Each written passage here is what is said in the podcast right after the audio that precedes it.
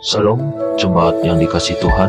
Hari ini kita kembali lagi mengikuti refleksi Gema. Sebelum kita memulai, mari kita bersama-sama membaca Alkitab sesuai teks dalam Gema dan membaca Gema hari ini. Tuhan memberkati. Shalom, saudara dikasih oleh Tuhan dan yang mengasihi Tuhan beserta dengan kebenarannya. Hari ini adalah harinya Tuhan dan saya bersyukur Anda berada di sini. Rekan-rekan mungkin saat ini sedang hendak memulai akan hari yang baru, atau saat ini sedang break, sedang istirahat di tengah-tengah waktu Anda, atau mungkin Anda sedang berencana untuk menutup hari Anda di malam hari. Saya percaya hari ini adalah harinya Tuhan, dan Tuhan menyediakan firman-Nya untuk kita bersama-sama bisa merenungkannya, menghidupinya, untuk menjadi bagian di dalam hidup kita. Sebelum kita merenungkan firman Tuhan, saya mengajak kita bersama-sama bersatu di dalam doa. Tuhan kami bersyukur untuk satu hari yang Tuhan berikan kepada kami dan satu kali lagi kesempatan untuk kami bisa merenungkan akan firman Tuhan. Sama seperti roh kudus yang telah menulis akan kebenaran firman-Mu, kami berdoa roh yang sama menuntun kami ketika kami membaca agar kiranya hanya kebenaran firman Tuhan itu yang kami peroleh, yang kami gumulkan, dan kami hidupi sepanjang hidup kami. Terima kasih Tuhan, di dalam nama Yesus kami berdoa dan kami bersyukur. Amin. Setia adalah sebuah kata yang sangat pendek. Namun begitu panjang waktu yang dibutuhkan untuk kita bisa menghayatinya, bahkan tentu saja untuk membuktikannya. Saudara, refleksi Gema pada tanggal 6 Oktober 2021 ini kita akan bersama-sama merenungkan sebuah tema yaitu setialah kepada Tuhan. Dan melalui kitab Yeremia pasal 38 kita akan bersama-sama mengupas hal tersebut. Oleh karena itu saudara saya memberikan kesempatan. Silahkan mengambil waktu untuk bisa membaca Alkitab di dalam pasal 38 dari kitab Yeremia ini secara lengkap supaya kita mendapatkan kisah yang lebih utuh dan tentu saja melalui buku Gema di mana di sana dibantu dengan latar belakang konteksnya. Pada kesempatan kali ini saya akan membacakannya hanya sebagian dari ayat tersebut yaitu di dalam ayat 19 sampai yang ke-20. Yeremia 38 ayat 19 sampai 20. Kemudian berkatalah Raja Zedekia kepada Yeremia, Aku takut kepada orang-orang Yehuda yang menyeberang kepada orang Kastim itu. Nanti aku diserahkan ke dalam tangan mereka sehingga mereka mempermainkan aku. Yeremia menjawab, Hal itu tidak akan terjadi. Dengarkanlah suara Tuhan dalam hal apa yang kukatakan kepadamu, maka keadaanmu akan baik dan nyawamu akan terpelihara. Saudara, ayat tersebut adalah cuplikan dari percakapan antara Raja Zedekia dengan Nabi Yeremia. Di mana sebelumnya di bagian awal dari pasal 38, Raja Zedekia itu sudah mengizinkan memberikan approve kepada Sefaka, Gedalia, Yukal, Pasyur untuk menjatuhkan hukuman kepada Yeremia. Dan hukuman itu adalah hukuman mati sebetulnya.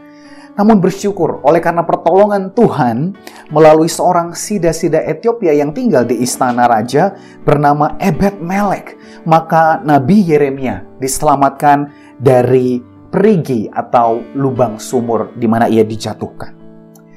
Saudara, percakapan itu sebetulnya bukanlah percakapan yang pertama kali ya yang baru saja kita baca tadi. Di pasal sebelumnya Yeremia itu berada di penjara atau di ruang cadangan air bawah tanah.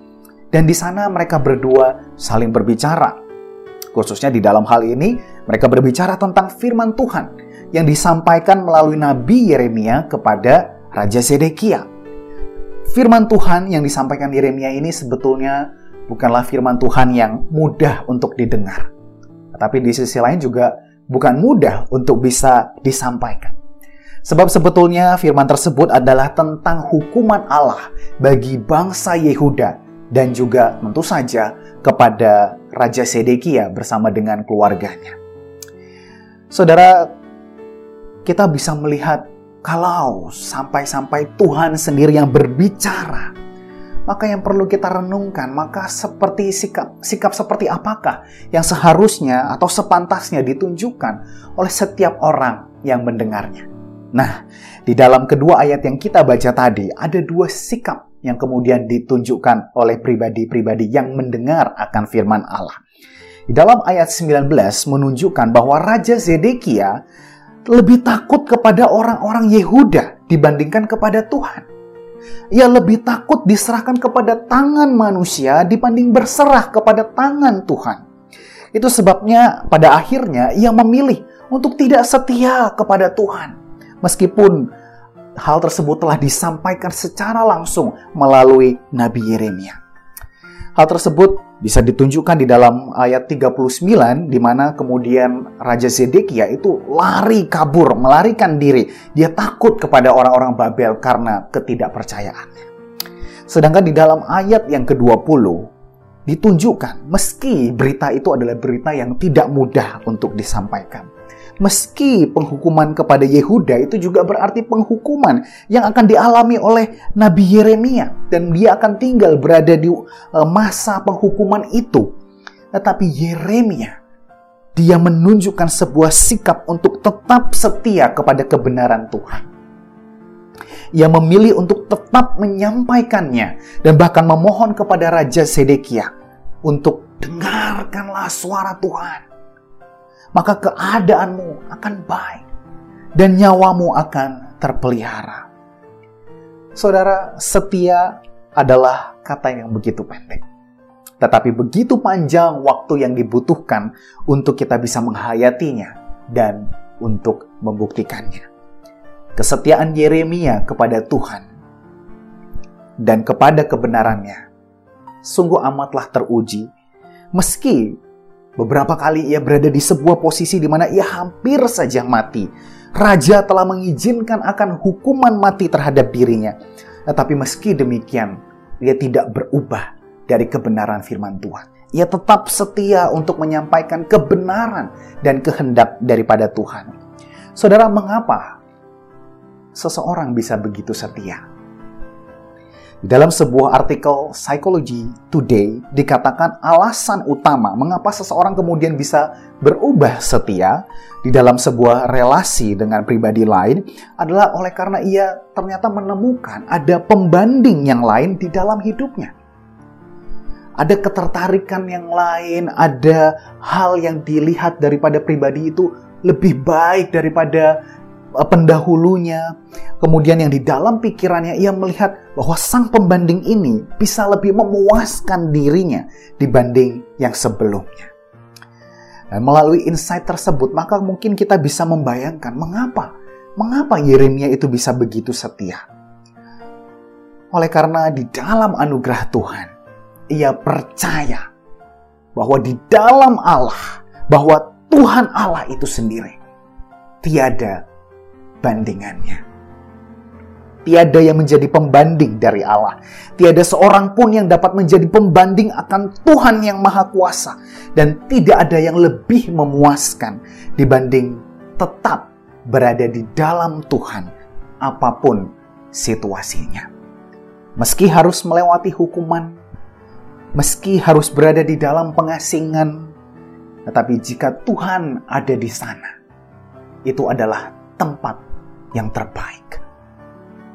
Hal tersebut kita temukan melalui firman Tuhan pada ayat 20 yang tadi telah kita baca di mana dengan iman Yeremia dengan keyakinan penuh berkata, "Dengarkanlah suara Tuhan, maka keadaanmu akan baik dan nyawamu akan terpelihara."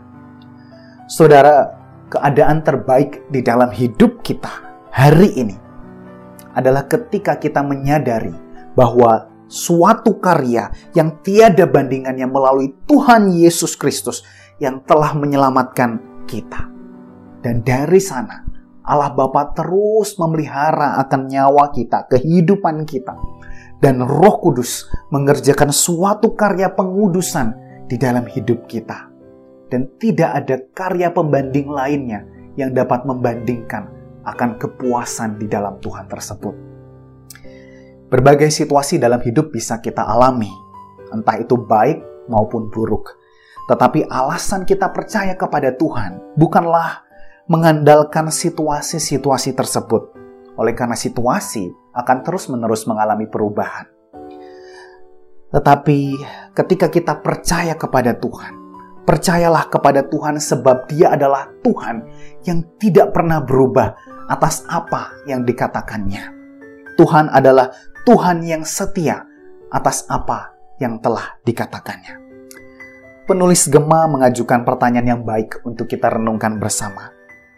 Maukah Anda bersedia mentaati Allah meski ketaatan itu bisa membuat diri kita merasa terancam? Saudara, kiranya melalui perenungan firman Tuhan ini kita belajar. Apa pun ancaman-ancaman yang muncul di dalam kehidupan kita, justru di sana menjadi sebuah panggung di mana iman kita dan kesetiaan kita terus-menerus diuji untuk tetap setia. Menjadi sebuah sarana di mana Allah Roh Kudus meneguhkan iman kita dan mendemonstrasikan kuasa dari Allah yang setia, Allah yang tiada bandingannya maka saudaraku, setialah kepada Tuhan. Amin. Mari kita berdoa. Tuhan kami bersyukur oleh karena di berbagai situasi kehidupan kami, kami punya Allah yang kami percaya beserta dengan kami dan yang berjanji beserta dengan kami di berbagai situasi kehidupan kami sampai pada kesudahannya. Tuhan ajar kami untuk tidak melihat kehidupan dan mengandalkan iman kami kepada situasi-situasi yang kami alami, tetapi hanya kepada kebenaran Tuhan yang di dalamnya kami percaya bahwa firman-Mu kokoh dan tidak tergoyahkan.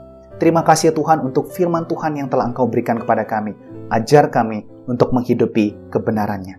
Di dalam nama Yesus Kristus kami berdoa. Amin.